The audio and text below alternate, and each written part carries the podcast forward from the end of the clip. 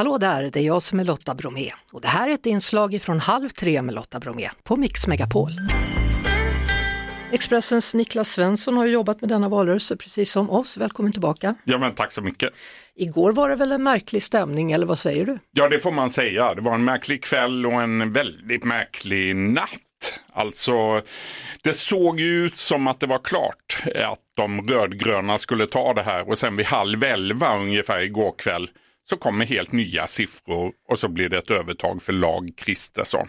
Jag, jag tror att en del kan ha gått och lagt sig och tänkt okej, okay, då vet vi att det gick så, imorgon ska jag upp till jobbet. Säkert. Vet du, jag får flashbacks till 2016. Hillary Clinton, Donald Trump. Oj, ja. Det var precis samma sak då.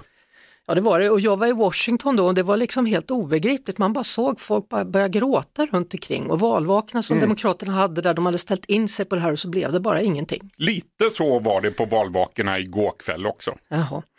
Uh, Annie Lööfs invit, måste ändå nämna den. Det mm. lät som att hon sa att uh, ja, ni kanske kan prata med mig i alla fall om ni tar bort ena halvan av er. Där. Hon har ju varit tuff i hela valrörelsen och liksom sökt sig närmare och närmare Magdalena Andersson och när det visar sig att de rödgröna med största sannolikhet har förlorat då släpper hon direkt taget om Magdalena Andersson och söker sig till Ulf Kristersson. Men jag tror att nobben därifrån är stenhård.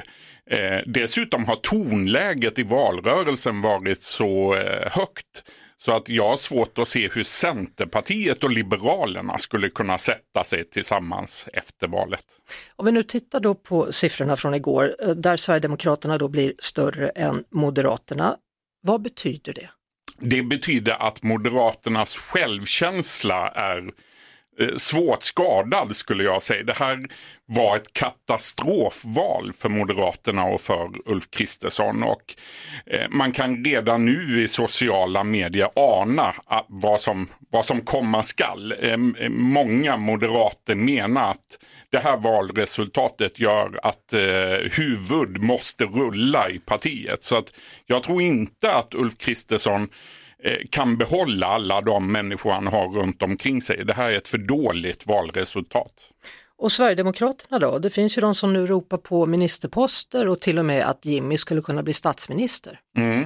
Framförallt har det ju låtit så i valrörelsen men eh, man kan notera sen eh, eh valvakerna stängde i natt att tonläget har förändrats från Sverigedemokraterna. Nu idag så låter det helt annorlunda. Nu är det en ganska ödmjuk inställning ifrån Jimmy Åkesson som, som har varit och käkat lunch med Ulf Kristersson för bara ett par timmar sedan. Och nu pågår de faktiska regeringsförhandlingarna så att nu kan man inte ha det höga tonläget som man hade igår.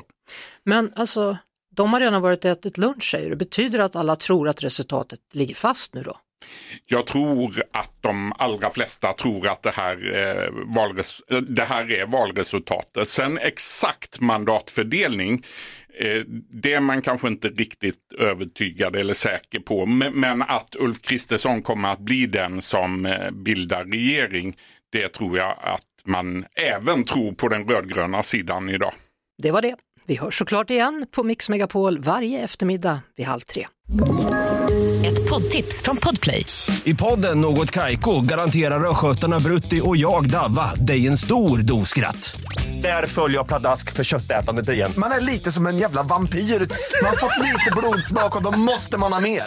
Udda spaningar, fängslande anekdoter och en och annan arg rant. Jag måste ha mitt kaffe på morgonen för annars är jag ingen trevlig människa. Då är du ingen trevlig människa, punkt. Något kajko, hör du på podplay. Därför är gardinerna.